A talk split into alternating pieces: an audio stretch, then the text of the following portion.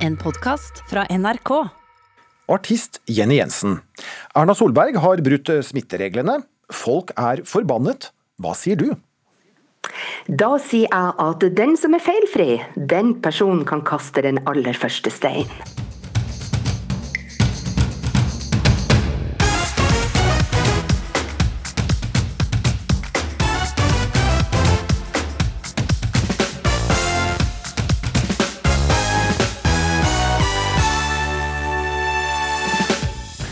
Det ble tidenes bursdagsbaksmell for statsminister Erna Solberg. 60-åringen etterforskes for mulig smittevernbrudd. Provoserende feiring, sier Høyre-velgeren, som møter Jenny Jensen til debatt. Hun tok barna ut av skolen etter at de lærte om ordet 'hen'. Skummelt at skolen åpner opp for dette, sier lærermamma, som møter en hen i ukeslutt. Og mens store deler av Norge har stengt ned, er folks behov for romantikk som før. Koronaen herjer, men så lenge det er liv, er det håp. Jeg søker derfor lykken med en annonse i håp om å finne, finne en kjæreste. Det hadde blitt full lotto.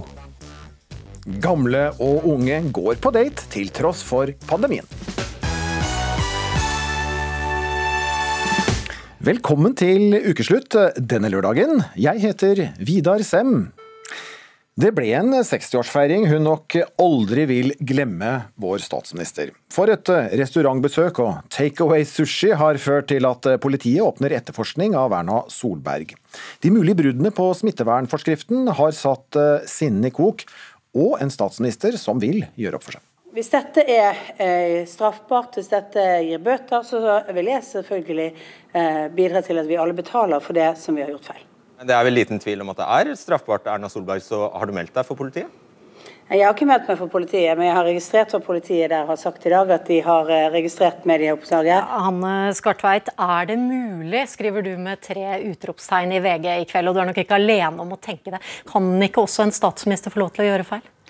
Politikere er også mennesker. Politikere skal også kunne gjøre feil, men vi skal være rause i forhold til at de også kan trå feil. Men en statsminister kan ikke trå feil på smittevern når vi står midt i en så kritisk fase av denne pandemien som vi gjør akkurat nå. Kanskje er det sånn at jeg har trodd jeg kunne reglene, og derfor ikke sjekket de. Og derfor eh, har det ikke blitt godt nok. Artist Jenny Jensen, vi hørte deg tidligere i sendingen. Den som er feilfri kan kaste den første sten, sier du. Ja, hva syns du om at folk reagerer som de gjør? Nei, jeg skjønner veldig veldig godt at folk reagerer. Og jeg reagerer sjøl også. Og Erna har jo sjøl sagt at hun syns det er pinlig, hun er lei seg, og hun vil gjøre opp for seg hvis det viser seg at hun har gjort noe feil. Og da tenker jeg at eh, da får vi legge ballen død der. La politiet få gjøre sine vurderinger, og så får de komme tilbake. Jeg syns debatten sporer helt av. Det blir rett og slett mobbing, det man leser. Altså, det går på utseende, det går på eh, Altså, vi må se hele helheten. For meg er det viktigste helheten. Og jeg syns Erna og co. og de som styrer landet, har gjort en kjempegod jobb gjennom pandemien. Så nå på oppløpssida, la oss brette opp armene og gjøre den siste innsatsen der òg. Så det er mer måten vi reagerer på eh, du, du, du, du, reagerer på, ikke det at vi faktisk reagerer på dette her? Nei, jeg er helt for at det skal være like for loven, og det er viktig. Det er fryktelig viktig. Det er vår rettferdighetssans, og sånn skal det være. Men eh, la politiet få komme med sine ting, og i mellomtida la oss få jobbe med det som er det viktigste nå, nemlig å bli kvitt denne pandemien og komme tilbake til normalen igjen. Susanne Aabel, du er programleder for Radio Rock, og du stemte Høyre ved siste valg. Ja, hvordan reagerte du da du fikk høre om Erna Solberg sin 60-årsfeiring? Da delte jeg en post på Facebook, og så skrev jeg 'nå klikker det for meg'. Og det gjorde ikke det. Og jeg har det, har det fortsatt helt fint. Det er vel strengt tatt heller ikke ukas aller største sak. Det er ikke så viktig sak, egentlig. Men ehm, ja, ok, politiet må gjerne gjøre jobben sin, men bare det at statsministeren havner i en situasjon hvor politiet må gjøre en liten jobb, det er litt krise. Og så syns jeg det er forskjell på liksom være feilfri og det å, gjøre, å, fungere feil som statsleder, da. Men var du i ferd med å skulle skrive noen, noen harde ord, eller sånn som tydeligvis mange, mange har gjort? ja, men nå har jeg brent meg på det såpass mange ganger opp igjennom at jeg har uh, adaptert en litt lunere tilnærming på det meste. Men Jeg syns det er helt fjollete, og jeg tror ikke noe på at hun ikke kunne forskriftene. Og en annen ting er at jeg akkurat så nå rett før jeg snakka med dere her, er at eh, Helsedepartementet mener at det ikke er et eh, arrangement, det å samles sånn som de gjorde i en leid leilighet. At det er forskjell på privat. Vet du hva som egentlig blir tema her? Det er ikke hvordan folk reagerer. Jeg blåser i om egentlig Erna blir mobba, det tåler hun. Jeg vil kalle det hets. Det er ikke, en ting er liksom nettroll og sånn.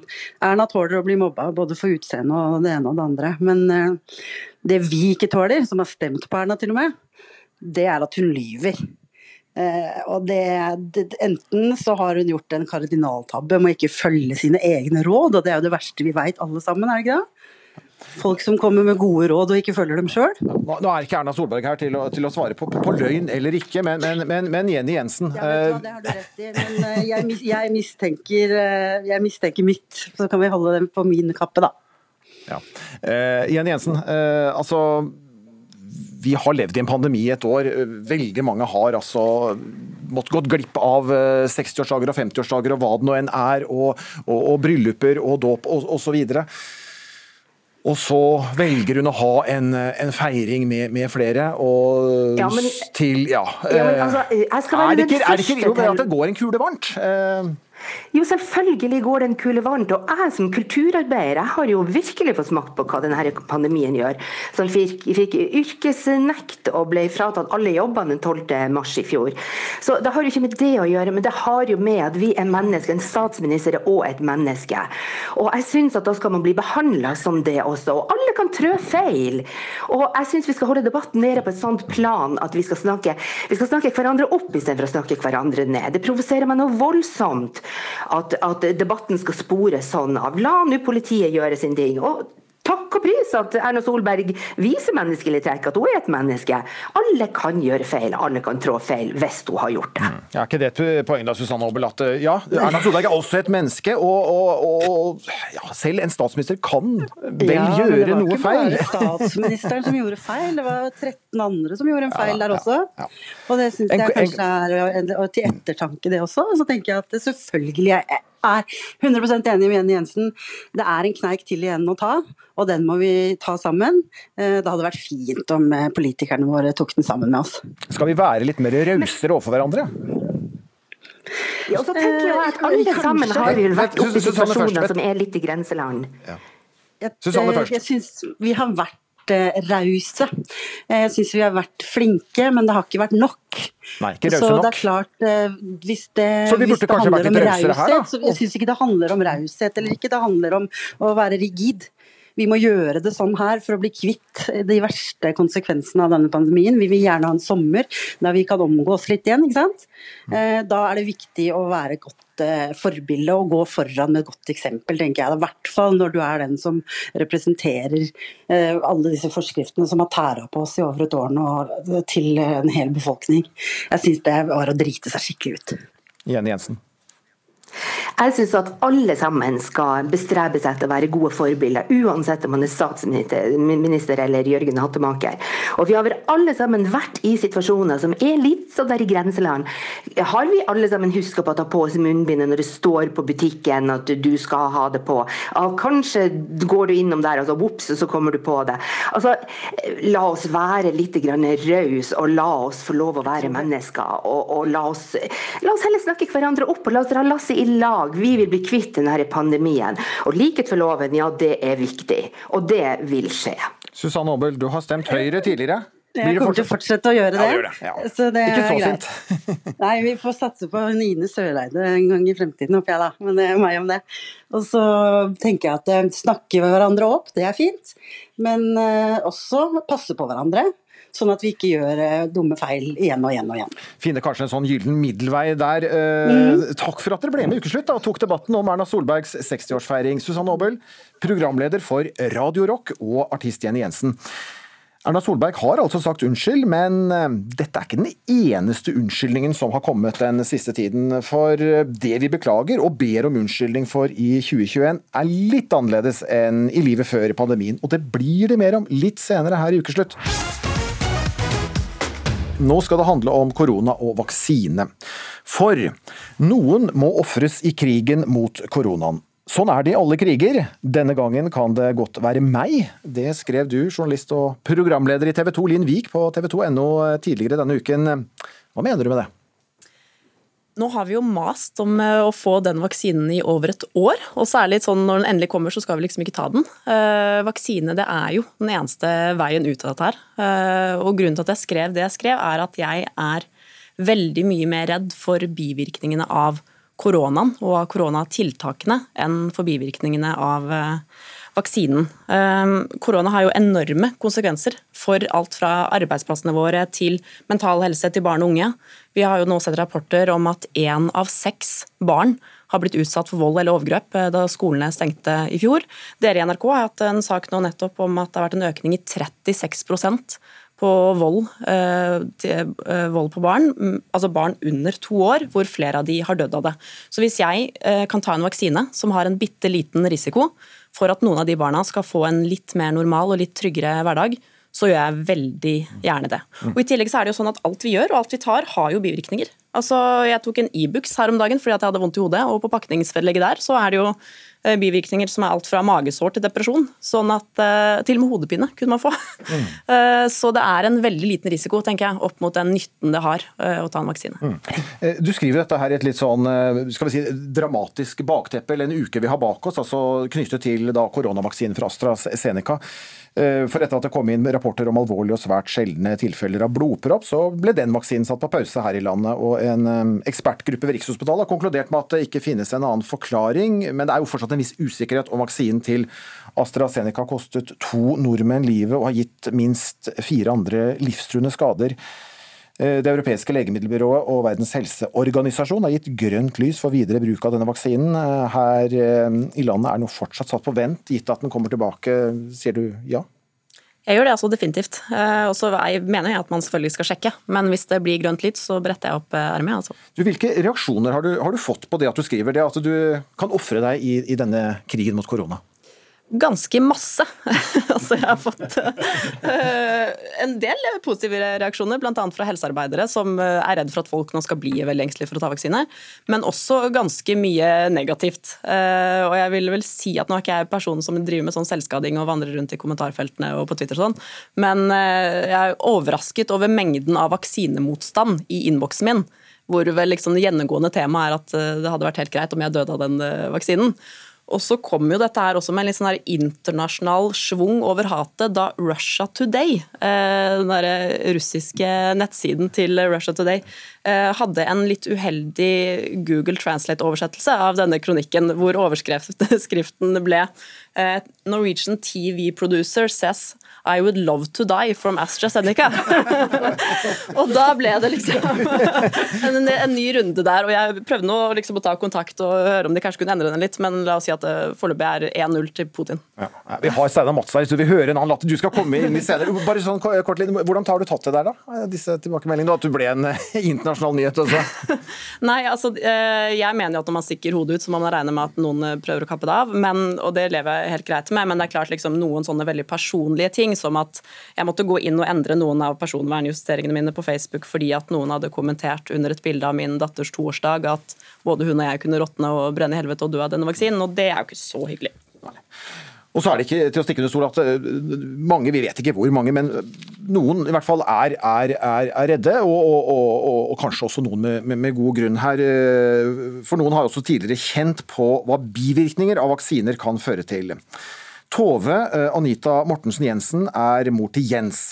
Han fikk vaksine mot svineinfluensa i 2009. Jens fikk et, i ettertid påvist narkolepsi, og er drøyt 11 år etter, i en alder av 24 år, så syk at han knapt forlater sengen. Mor Tove Anita sier hun reagerte sterkt på nyheten om mulige alvorlige bivirkninger av AstraZeneca-vaksinen. Nei, først så ble jeg veldig redd. Og tenkte litt tilbake til når, vi var i den situasjonen. Jeg tenker på ikke noe igjen. Altså Ja, jeg vet ikke helt hva jeg skal si. Jeg syns det var bare forferdelig trist. Og slik jeg skjønner, så har du en datter som eh, nettopp var også vaksinert da du fikk nyheten med AstraZeneca-vaksinen? Ja, hun ble vaksinert dagen før denne nyheten kom fram, og jeg var livredd.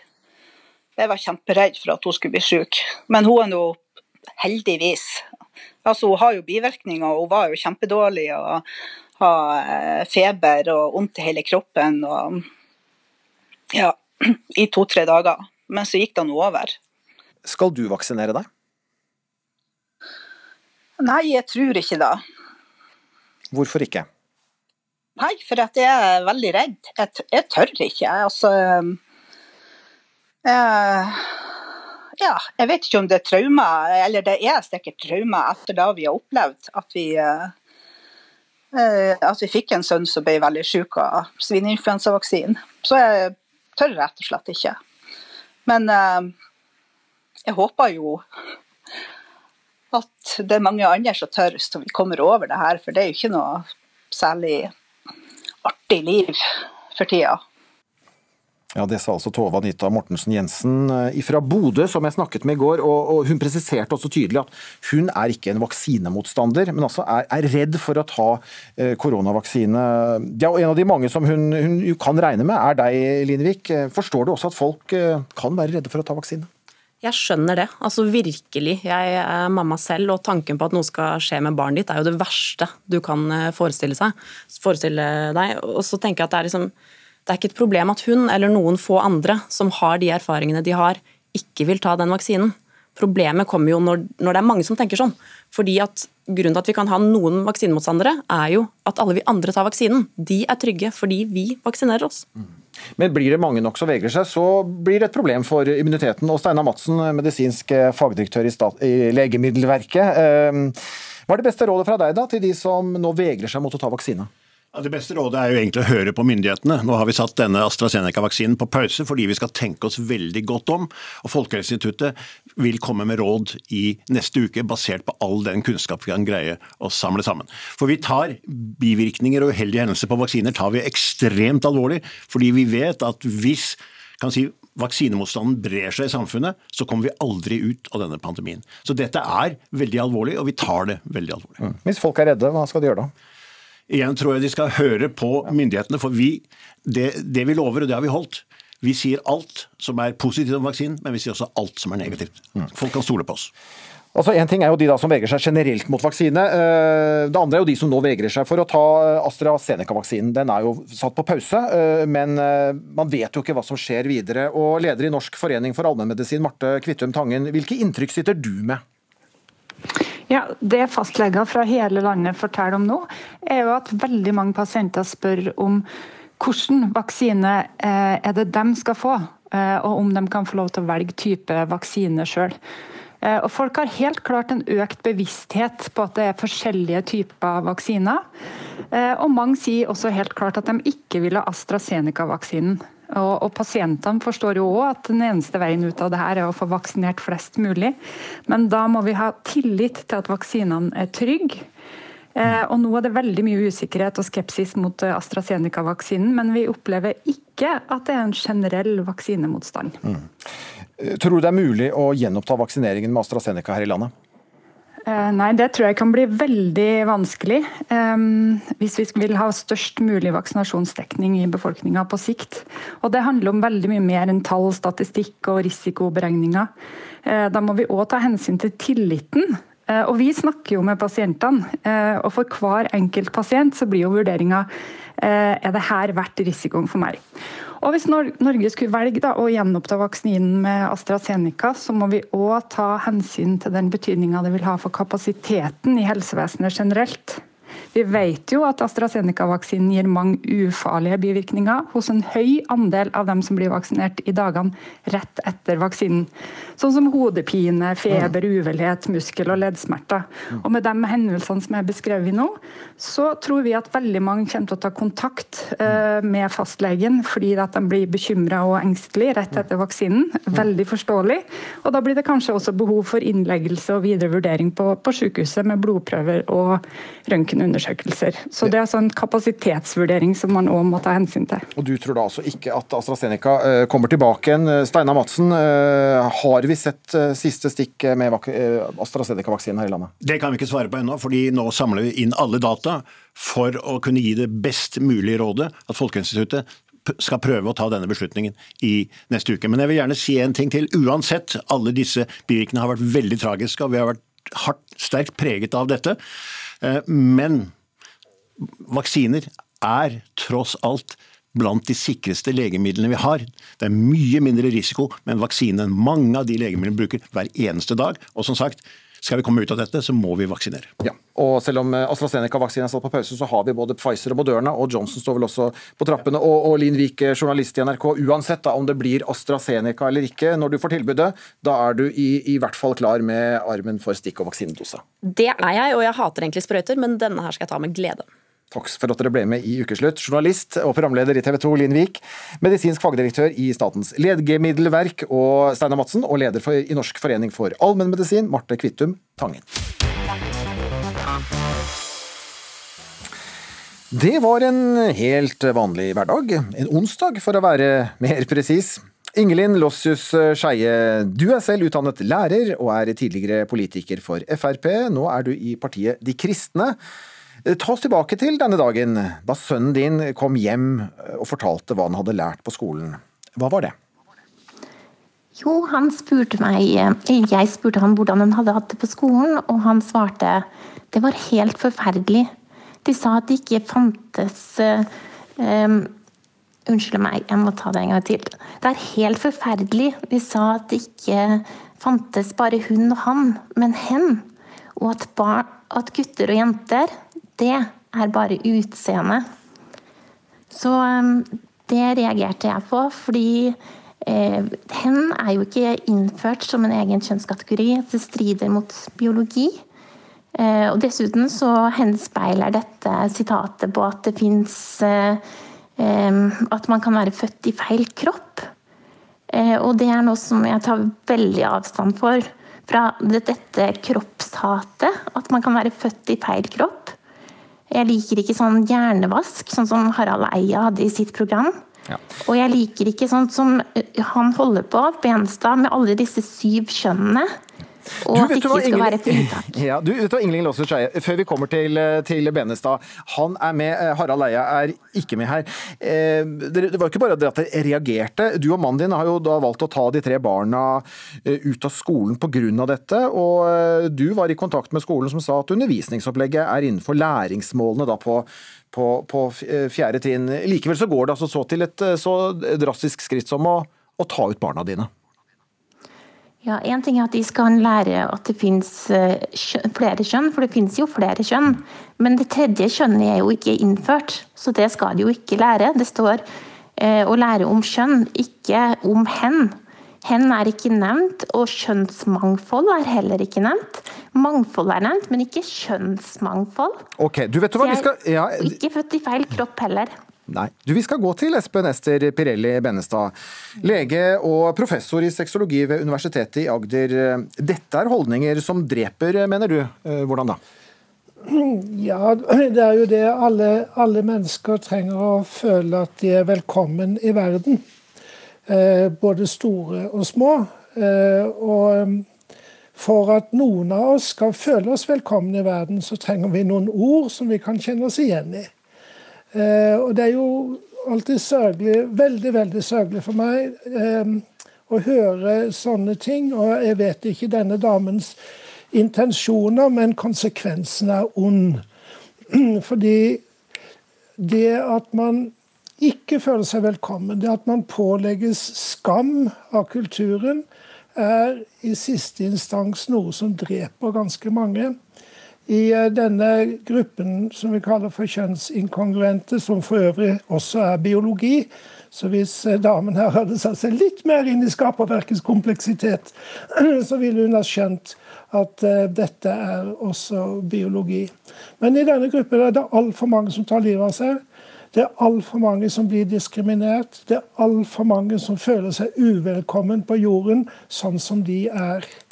Så jeg tenker at alle som hører på dette, må tenke at vi trenger alle å bli ønsket velkommen. Og da trenger noen av oss ord som ennå ikke er i formelt bruk. Og eh, Ingelin Lossius eh, Skeie, ja, eh, du er jo med i partiet De kristne. Det å omfavne alle og ja, ikke støte ut noen. Det kan jo være opplevelsen av å bli støtt ut når, når du uttaler det du gjør. Hva tenker du om det? Jeg tenker at hvert barn som blir født, det omfavner jeg og sier du er født i riktig kropp, ikke i feil kropp, slik som Benestad her hevder. Og selv er jeg sykepleier, og jeg har en helt vanlig forståelse av kjønn, altså tokjønnsmodellen, mens han har en alternativ måte å undervise kjønn på. Og han sitter på sånn troner i UiA hvor han mot all sunn fornuft fikk en professortittel i 2012. Enda han, har, han er bare sexolog, ikke sant. Det ligger helt Ett år tar det å bli sexolog. Man kan også ta det på brevkurs, men nå går det an å ta det over to år. Ja. Vi trenger ikke gå på personkarakteristikk og utdannelsen til, til, til Benestad her, eh, men, men Eh, vi kan jo spørre deg da, Espen Esteprelle Benestad. Eh, kan det også bli en overfokusering på kjønn i, i relativt ung alder? Nei, det, det, tror jeg ikke det kan, kan bli. Eh, vi har jo barnebarn som overhodet ikke har noe problem med å bruke hen. Og jeg syns kanskje også man burde anmelde denne damen her for ja, nå, Diskriminering i, i, i, i, beste sendetid. Tar det, det, tar litt av her, men, men ja, eh, ja men, men, til, men, men til, til, til, til, poenget. Eh, hvor tidlig bør man gå inn i skolen og, og snakke om, om, om hen? Ja, Egentlig så tidlig som ungene måtte ha bruk for det. Og, og det kan være når som helst. Fordi at man når som helst kan møte et medbarn som ikke opplever å ha en kjønnsidentitet som er i samsvar med kroppen. Jeg liker heller ikke uttrykket 'født i feil kropp'. For hadde f.eks. jeg vært født i en annen kropp, så ville ikke jeg vært meg. Så jeg sier bare at noen av oss har kropper vi trenger å justere for at de kan bli gode å bo i. Så, så det uttrykket det kan, det, det kan, vi være enige om. Men, men um, ellers så sier hun så mye som jeg syns blir uh, fryktelig uspiselig og ganske diskriminerende. Ok, eh, kort til slutt. Eh, dere står litt på, på, på hver deres eh, kant her. Det må jeg få svare på. Det må jeg bare få svare på. Ja, ja. Yes, Bare det at Benestad nevner anmeldelse til meg, viser at det her er jo blitt en totalitær ideologi hvor det er snakk om straff og mangel på ytringsfrihet, og hvor elever ikke kan få fritak fra merkelige fenomen som født i feil kropp og hen. Og jeg vil advare foreldre mot ung.no, som legger ut link til Benestads syv kjønn, og som anbefaler unger å fjerne pupper og som anbefaler unger hvordan de skal komme i gang med kjønnsblokkere som 14-åringer.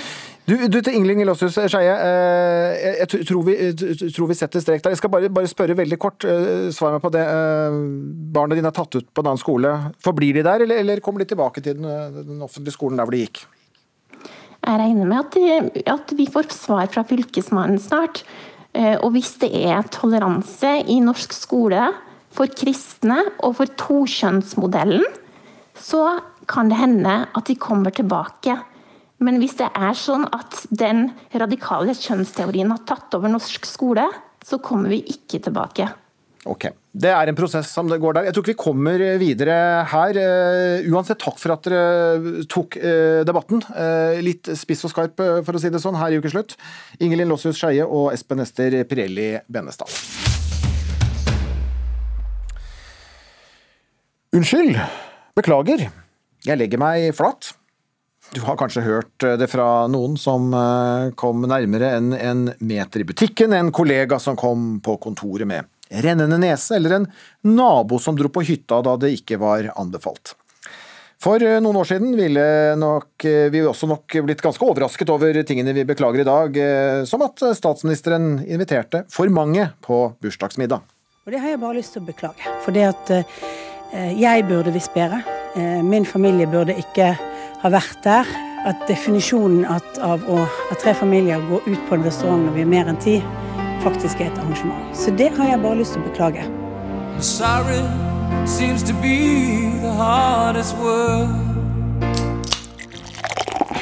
Arbeiderpartiets nestleder brøt koronaregelen i hjemkommunen da han og sju andre partifeller arrangerte nachspiel. det er i ettertid rett og slett flaut. Under pandemien har politikerne måttet beklage både stort og smått. Arbeiderpartileder Støre måtte unnskylde da han tok T-banen uten munnbind på. Han hadde bytta jakke, og så, uff, så var ikke munnbindet der. Helseminister Høie at han en gang brukte munnbindet feil. Veldig mye informasjonsarbeid knytta til det. Og næringsminister Nybø at vi måtte stille klokka tilbake og få mer av året 2020. Ja, jeg tror det er mange som føler at 2020 har vart lenge nok, og at det har vært et tungt år. Og nå får vi enda en time av 2020, så det følte jeg måtte beklage. Ja, beklager og beklager beklagelsen. Eh, der, eh, Martine Aurdal, politisk kommentator i eh, Dagbladet. Hadde du sett deg for, for deg, ja, bare for et drøyt år siden, at dette var saker som politikerne måtte beklage? Skal vi se. Har vi med Martine?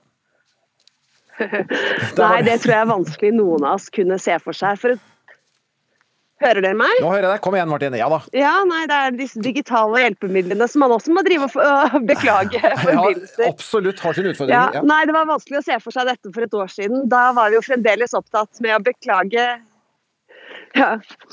Nei, For et år siden var vi opptatt med å beklage og diskutere grensene for helt andre typer nachspiel enn eh, de som beklages i, i disse dager. Det var vanskelig å se for seg at terskelen skulle senkes i den grad. Mm. De har jo beklaget, da, så å si alle sammen, våre toppolitikere, for eh, sine større eller, mindre feiltrinn. Hvor mye hjelper eh, beklagelsene? Nei, skaden er jo allerede skjedd idet de blir eh, avslørt og utfordrer ulike typer regler. og jeg tror at Jo lenger vi kommer ut i pandemien, jo mindre raushet får vi også overfor Eh, disse beklagelsene og feiltrinnene. Og spesielt selvfølgelig fra de eh, toppolitikerne som er med på å lage reglene, eller som ønsker å være med på å lage reglene selv. Derfor så ble det jo masse styr da Jonas Gahr Støre ble ferska i å ha glemt munnbind da han gikk på T-banen. og det uh, har jo bare selvfølgelig både blitt verre uh, overtrinn og, og, min, og, mer raseri etter hvert som alle andre har blitt stadig mer slitne av å følge alle disse rådene, anmodningene og reglene. Men uh, vi kan vel fremdeles flire av uh, dette forsøket på håndtrykk mellom Camilla Stoltenberg og, og Erna Solberg i starten av pandemien. Mm. Men, uh, men, flere feiltrinn og beklagelser nå, det, det tåler vi kanskje ikke, eller? Nei, tåler og tåler. Jeg tror vi begynner å bli møkk nei alle sammen. Både av eh, restriksjonene først og fremst, men eh, også av beklagelsene. Eh, jeg har jo selv merket at jeg har jo en datter på ti år, og når hun og venninnen har kommet hjem og fortalt om andres utfordringer av smittevernreglene, så har jeg nå i over et år forsøkt å fortelle dem at de skal bry seg mest om seg selv. Og så lenge de fleste følger reglene, så virker de likevel. Men eh, også jeg ble overrasket over mitt eget raseri da jeg hørte om denne festen i Bodø, og hvor lamslått jeg ble over nyheten om Erna Solberg. Mm. Dora Toralsdottir, relasjonsterapeut og standup-komiker. Ja, det er ikke bare politikere som beklager. For selv godt humør opplever du at man eh, nå må unnskylde? Ja, det er nye tider på veldig mange områder. Og jeg tror eh, ja, Rett før pandemien så tror jeg ingen hadde gått rundt og trodd at vi skulle begynne å unnskylde og ha godt humør. For jeg opplever veldig mange eh, terapisammenheng og bare når jeg snakker med folk, at det er akkurat som folk begynner å hviske med en gang de skal fortelle at de egentlig har det greit. Fordi at det er så mye mer legitimt og riktig å klage og sutre og si at det er så fælt og gud bedre så kjedelig og ingenting å glede seg til. Og, og da de som egentlig enten er i godt humør eller syns at pandemien har bidratt med noe positivt, de går litt stille i gangene og omtrent hvisker at vet du hva, jeg syns det er noe for dere. Det er ikke så høyt stressnivå. Og det er litt fascinerende at vi har kommet dit at det er noe som skal hysjes ned litt. Ja, ja, ja ja, hvem eh, føler mest på dette behovet da, for å, for å unnskylde seg under pandemien? Nei, Jeg tror bare at det er blitt så innmari eh, allment at alle har det vanskelig. Og alle har det. Altså, det er jo bare Men er det, noen som har det spesielt vanskelig? Er, ja, er det noen som har det spesielt vanskelig? Ja, det er jo veldig mange som altså Økonomisk og permitteringer. Og vi vet at de som bor alene og eh, det er mye ensomhet. Vi hører jo veldig mye om at det er mange som har det fælt. Og da tror jeg veldig mange av de som faktisk har det greit, får dårlig samvittighet. Fordi at det, det, det er jo ikke sånn du skal ha det i 2021 Nei, i mars. Nei, jeg tenkte de, de, de som har det ekstra sterke behovet for å unnskylde seg, eh, er det, er det, er Ja, det, kjenne- sånn, ja. er det et kjennetegn på, på, de, på, på de ekstra unnskylderne? Ja, jeg vet ikke. Jeg bare syns at det er eh, Vi har liksom fått en sånn helt ny kultur hvor vi begynner å Jeg la merke til da Erna ble tatt eh, for festene. Eh, eller disse to eh, utskeielsene, kan man vel kalle det. Eh, da la jeg merke til på sosiale medier hvor mange som hadde behov for å fortelle alt de ikke hadde opplevd. Alle konfirmasjoner og fester og bursdager og alt som var kansellert og utsatt. At det var nesten sånn konkurranse i elendighetsbeskrivelser på alt som ikke hadde skjedd. Og det ble jo veldig tydelig at jeg tenkte at eh, dette så jeg ikke for meg. At vi skulle nesten være litt stolte av alt vi har gått glipp av. Nettopp for å måle det opp mot den bursdagen hvor hun skeia ut og inviterte for mange. Hva gjør det med oss, da? Nei, jeg tror at det er veldig mange altså Det er jo mange som er frustrerte to begin with, og da tror jeg at dette her med Erna spesielt ble en sånn ventil hvor veldig mange får ut frustrasjonen sin. Eh, vi har for, nummer én for mye tid, og det andre er at selvfølgelig når lederne gjør noe som de krever av oss, så blir vi jo rasende om de ikke gjør det selv. Så jeg tenker det er veldig menneskelig den reaksjonen som kom, men samtidig så tenker jeg at det, er noe med Det er litt som å ta små barn da, og så kreve noe, Si unnskyld til søstera di. Kom igjen, si unnskyld. Og så sier kanskje barnet unnskyld, og så er det sånn Nei, det er ikke bra nok unnskyldning. Si unnskyld en gang til. Si det som du mener det. Og så holder de på veldig mye med å si unnskyld på riktig måte. Fordi vi er liksom aldri fornøyd, og det føler jeg litt med Erna. At samme hvor ofte hun sier unnskyld og beklager, så er det akkurat som folk er sånn Nei, vi kan godt høre det et par ganger til. Men du sier meg, Dora Toralsdottir, når pandemien en gang er over, blir disse unnskyldningene og, ja, som et trylleslag borte, eller? Nei, Jeg tror nok ikke det glemmes med det første at eh, lederen for hele pandemistrategien dreide seg ut selv. Eh, det tror jeg ikke glemmes sånn helt med det første. Men eh, det som jeg tenker litt på også, er jo at sånn, det å omgås folk i det vanlige før pandemitid, det var jo en normalitet. Og nå som vi er komfortsonen vår er litt begrensa hjemme, og vi treffer færre folk, så tror jeg f.eks. 17. mai, hvis 17. mai hadde vært helt naturlig vært sånn som 17. mai pleier å være, så tror jeg folk hadde jo hatt helt panikk. fordi at de sosiale koder og Jeg tror vi er blitt emosjonelt litt dårligere på å være sosialt med, sosial med andre mennesker, rett og slett. At vi trenger litt tid og gå sakte ut av denne hulen vi har vært i nesten et, ja, over et år. Eh, og så gå litt sakte fremover. For veldig mange gruer seg litt til disse sosiale settingene hvor vi har på en måte vært litt ute av trening i veldig lang tid. Beklager dere. Nå må jeg sette strek. Takk for at dere ble, Takk for at dere ble med Ukeslutt av Dora Toralsdottir og Martine Aurdal. Til min sjelevenn. Jeg er eh, så og så høy, har blå øyne, langt hår, bor i Alpene i vest. Er ensom enke i pensjonistalder, håper det finnes en nordlandsk sjømann. De eldre skriver kontaktannonser, de yngre sveiper på Tinder. Ett år etter at eh, pandemien traff oss, er det lite som tyder på at lengselen etter romantikk eller eh, livsledsager kan stenges ned og, og stues bort. Men eh, hvordan er det å jakte på en partner nå som mutasjonene herjer og restriksjonene er stramme? Reporter Kari Li snakket med psykologistudent Emma Løken, som har jaktet på kjærligheten lenge. Nei, du må jo ta noen, ta noen valg, da. Det er jo et begrensa antall mennesker du kan møte. Emma Løken kan ikke være impulsiv når hun sveiper etter en partner på sjekkeappen Tinder. Så da må du ta en vurdering på hvorvidt det er verdt det eller ikke. Du skal jo holde så god avstand som mulig. Uten fulltreffere på sjekkeappen innrømmer den 23 år gamle psykologistudenten at koronatilværelsen er stusslig. Mm, ganske, ganske ensom, egentlig. Mye, mye digital undervisning. Vi hadde jo digitale korøvelser og sånne ting også, og det er jo bånn av bøtta.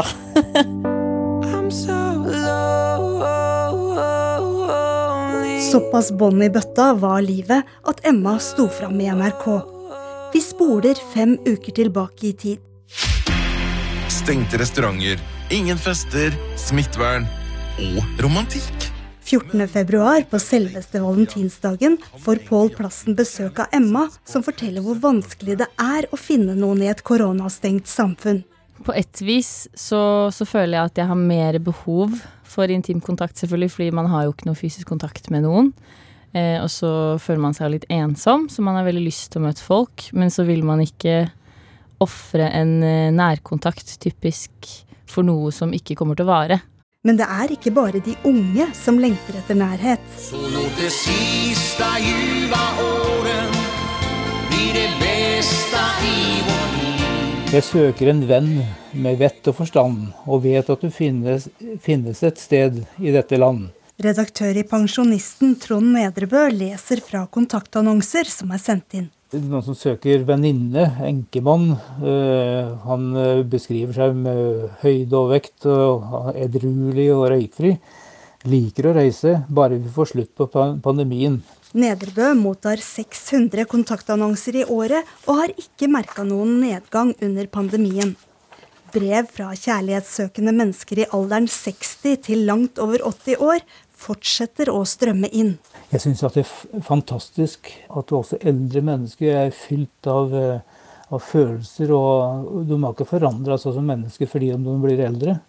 Eh, Alder eh, betyr ingenting for et følelses- eller kjærlighetsliv. De som svarer på kontaktannonsene i Pensjonisten, må vente på postombæringen. De som vil ha kontakt med Emma eller andre på Tinder, må sveipe til høyre og vente på at den andre gjør det samme. Så de får en såkalt match. Og så tenkte jeg sånn åh, det, han der, han har jeg sett før. Få dager etter Emmas hjertesukk på P1 tipsa venner om en ung mann de mente hun burde bli kjent med. Vi er i samme miljø. Vi er begge to synger i kor. Emma tok sjansen og sendte en melding. Så jeg visste sånn veldig knapt uh, hvem hun var, sånn akkurat, for jeg hadde akkurat begynt i kor sjøl. Eh, og så tikka det plutselig inn en melding på Tinder fra henne. Sander Lerøen og Emma hadde for flere måneder siden sveipa til høyre på hverandres profil, men uten å sende melding. Da skrev han eh, 'De fleste har gitt opp, men ikke du'. Respekt. Hva er det med han, da? Han var litt uforutsigbar. Og så var han veldig, han var veldig gira på å prate. Stilte mange spørsmål, og så kunne vi tulle veldig mye sammen. Hvis man Det kan bli litt sånn eh, eh, skuffende. Hvis du får en følelse av at alle på en måte bare har lyst til å ligge med deg, og ingen har lyst til å bli, liksom, bli kjent med deg som person. For noen er det nødvendig å bryte meteren. Da er det tre legekontor og tre sykepleierkontor. Og et ganske så tomt venterom. Vanligvis eh, når det ikke er en pandemi, så pleier det å være ganske så fulle, fullt lokale. Stine Solli viser lokalene til Sex og Samfunn i Oslo. Vanligvis kommer unge under 25 år hit for å få hjelp med prevensjon eller eventuelle kjønnssykdommer. Nå må de som ikke trenger behandling, chatte eller ringe. Det at en velger å ha sex med, med nye partnere under eh, koronapandemien, betyr ikke at en ikke er ansvarlig eh, eller følger andre smittevernanbefalinger og, og påbud. Sykepleier Solli blir lett provosert dersom noen påstår at unge er uansvarlige under pandemien. Mitt inntrykk er at unge i stor grad tar eh, smittevern på alvor, selv om en har sex med nye partnere. Og alle vet at vi skal ha færrest mulig nærkontakter, men det er ganske umenneskelig ikke å ha noen nærkontakter. Det kan vi ikke forvente av noen. Jeg prøvde meg på sånn Askeladden-referanse, så jeg prøvde å skrive sånn Jeg fant, jeg fant! For da skulle jeg skrive at jeg fant noen i kormiljøet, da. Men så tok han ikke Han tok ikke vitsen. Selv om Sander ikke tok poenget, vil han gjerne bli bedre kjent med Emma. Men så var hun veldig morsom og kul å prate med, så det var litt sånn shit, hun her var faktisk ganske artig. Og så, og så holdt vi en samtale fra klokka tre til klokka ble ti på kvelden. Sammenhengende. Og så fant vi ut at vi ikke kunne møtes i helga, så da var vi bare sånn OK, men da gjør vi det i kveld. da blir det i kveld. da måtte vi på en måte bare ofre nærkontakt for å sjekke om det funka.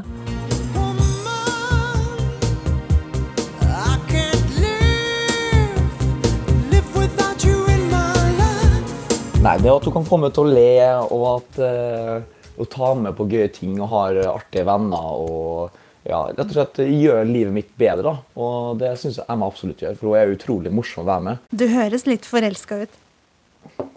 Ja, det kan jo hende, det. På vei, jeg vil si Vi er på vei til å bli kjærester. Vi dater eh, veldig hyppig, da. Fire dager etter at du var på NRK. Du må jo si at det er ganske Verdens beste kontaktannonse. Ja, det var du som sa det.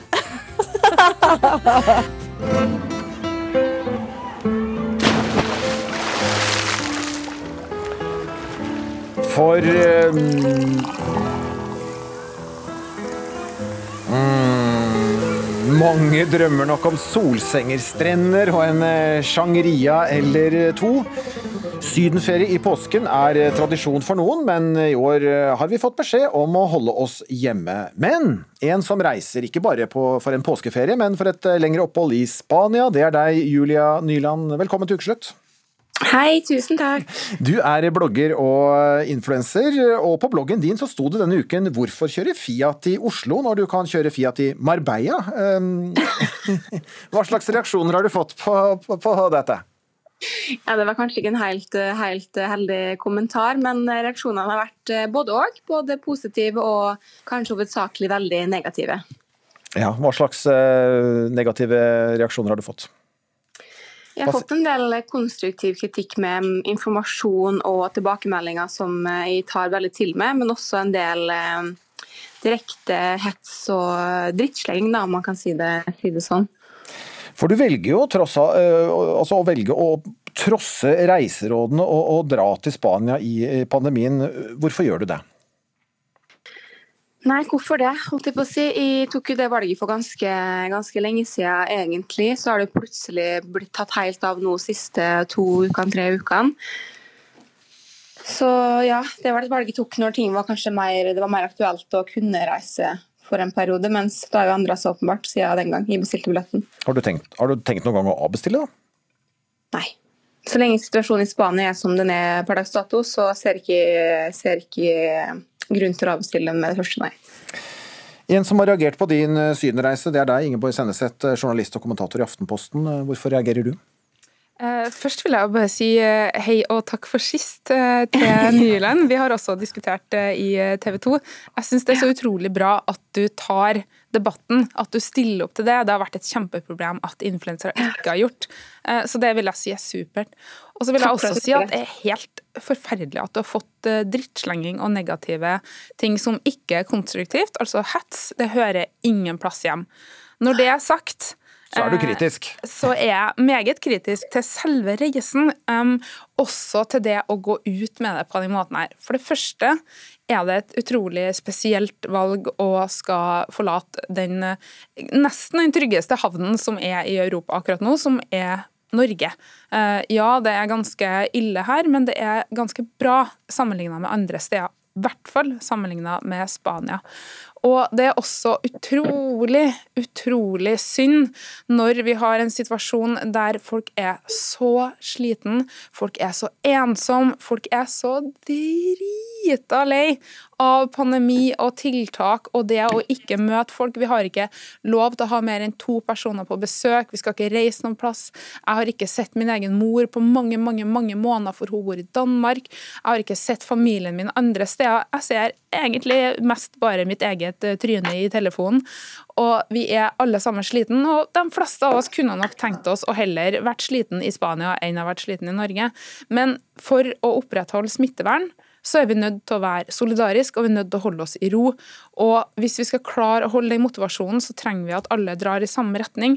Og da, hvis du sitter som ung student eller hvem som helst egentlig og scroller på telefonen sin, så er det plutselig noen som sier Fuck denne dugnaden, jeg drar til Spania, samme for meg. Det er så demotiverende. Det er så synd, da.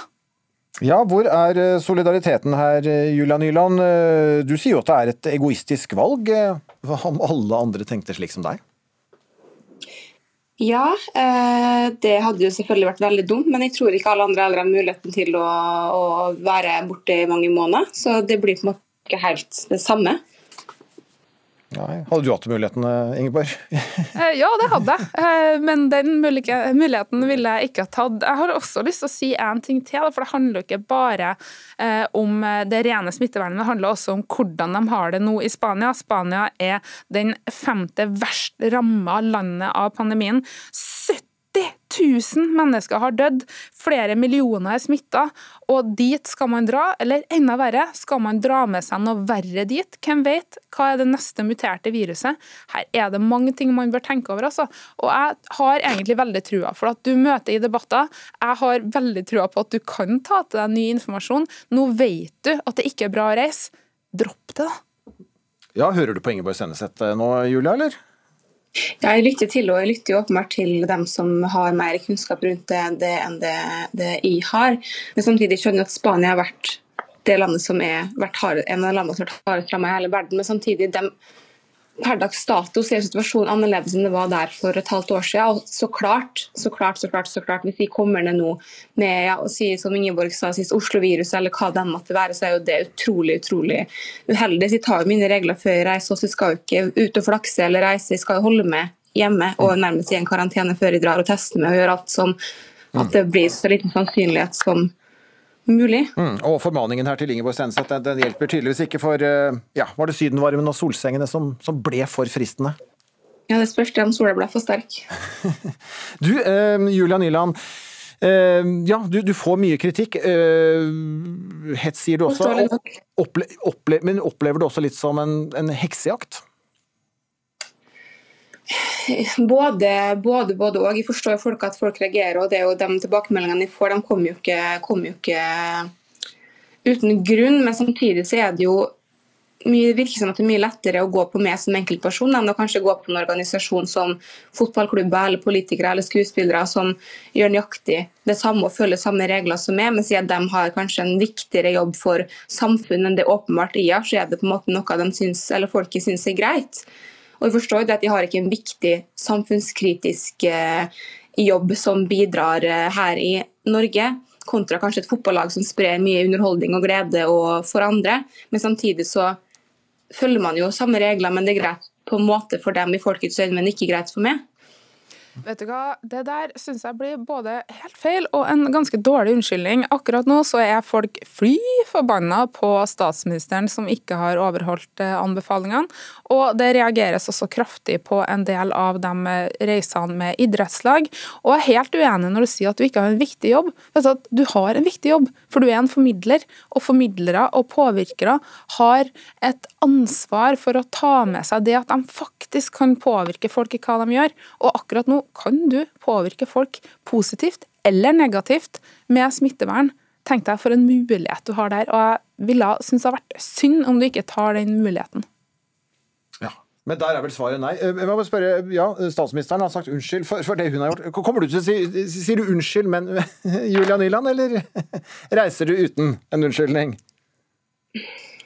Jeg føler ikke at de har noe å unnskylde med, foruten at jeg skal høre for uh, hva jeg skal si. Nei, jeg kommer ikke til å si unnskyld for at de, at de reiser, nei. Men du, takk for at du i hvert fall ble med her i Ukeslutt, uh, Julia Nyland, uh, sammen med journalist og kommentator i Aftenposten Ingeborg Senneset. Julia Nyland altså, blogger ja, og sydenfarer. Takk skal dere ha. Velkommen til denne forelesningen. Er dere klare? Hallo? I dag så skal vi snakke om Ja, i hvert fall jeg skal snakke om noe spennende som dere skal få med dere. Hello, darkness, my old friend. Er dere der? Hallo? I've come to talk with you again. Within the sound Hallo? of silence. Ja, litt eh, dramatisert her av reporter eh, Philip eh, Johannesborg. For skal du som student ha på kamera og være aktiv under digitale forelesninger, som det nå er i pandemien, eller ha det avslått å være taus? Lise Margrethe Pedersen, du er student, og i VG denne uken så levnet du ingen tvil om hva du gjør. Du har kamera på. Hvorfor mener du det er så viktig å kunne vise ansiktet i en slik sammenheng? Hei, det stemmer. Jeg har alltid kamera på. Det er det egentlig flere grunner til, men jeg tenker først og fremst på klassemiljøet og fellesskapet. Både for lærer og student så er det her kjempeviktig å vise ansikt, syns jeg. Så hva gjør det da med undervisningen og og klassemiljøet å ikke ha på dette kameraet? Det blir jo veldig anonymt.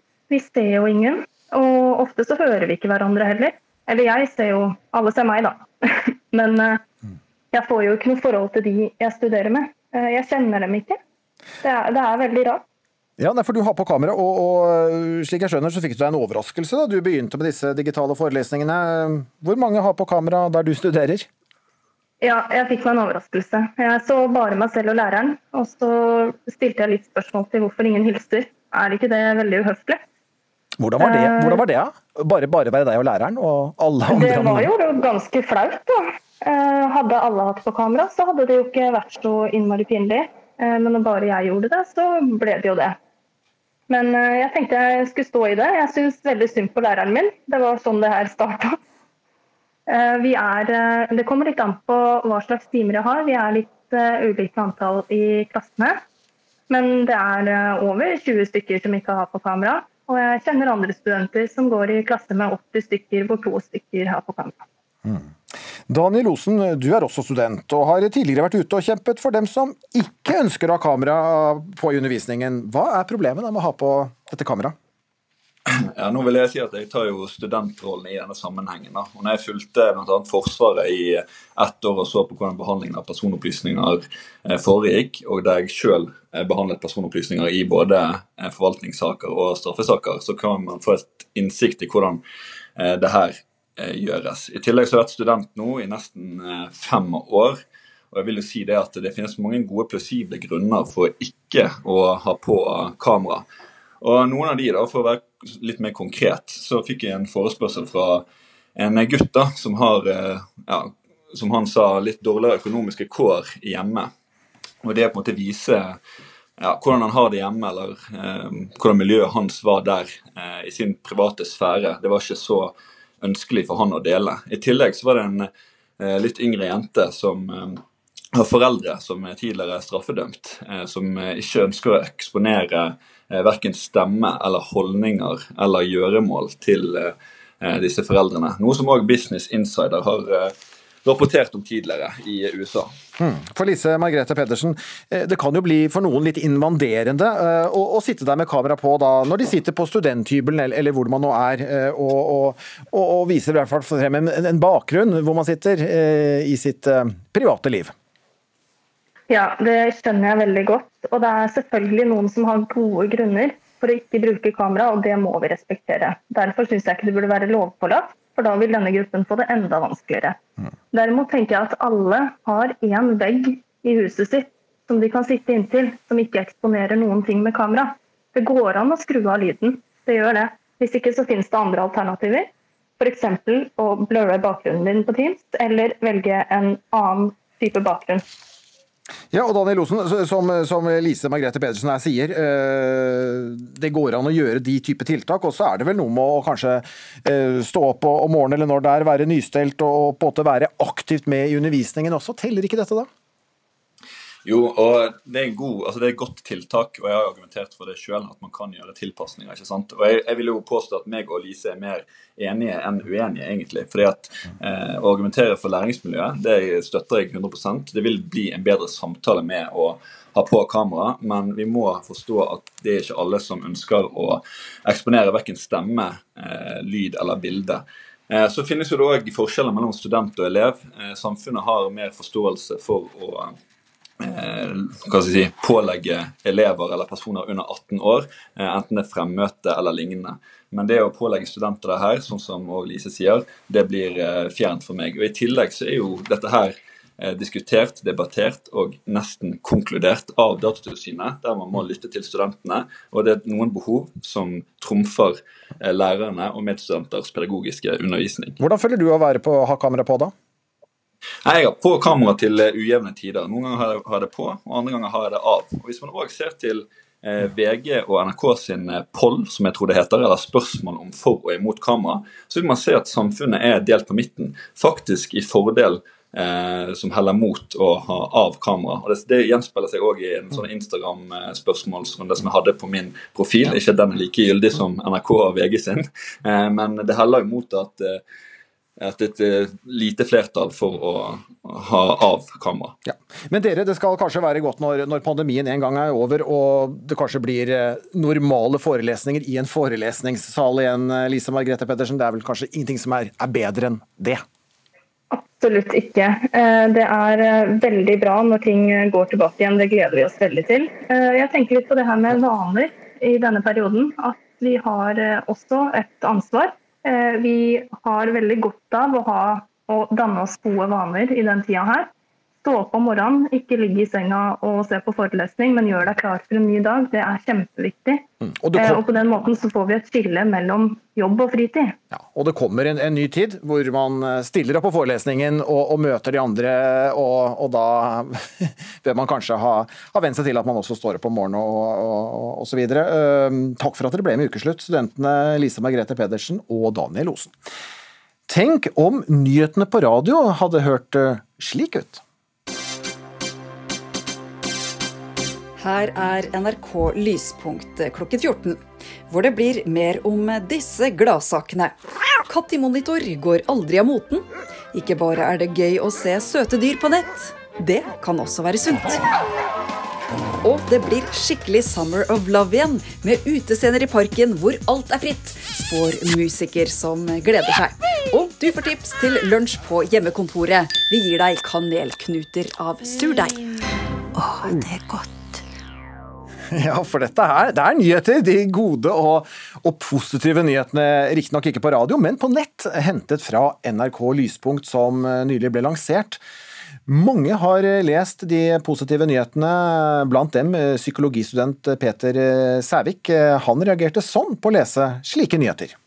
Første gangen jeg klikka meg inn på NRK Lyspunkt, så, så kjente jeg rett og slett at det gjorde noe godt med meg. Jeg kjente en god følelse i hele kroppen. Jeg kjente at jeg, jeg, kjente at jeg ble glad.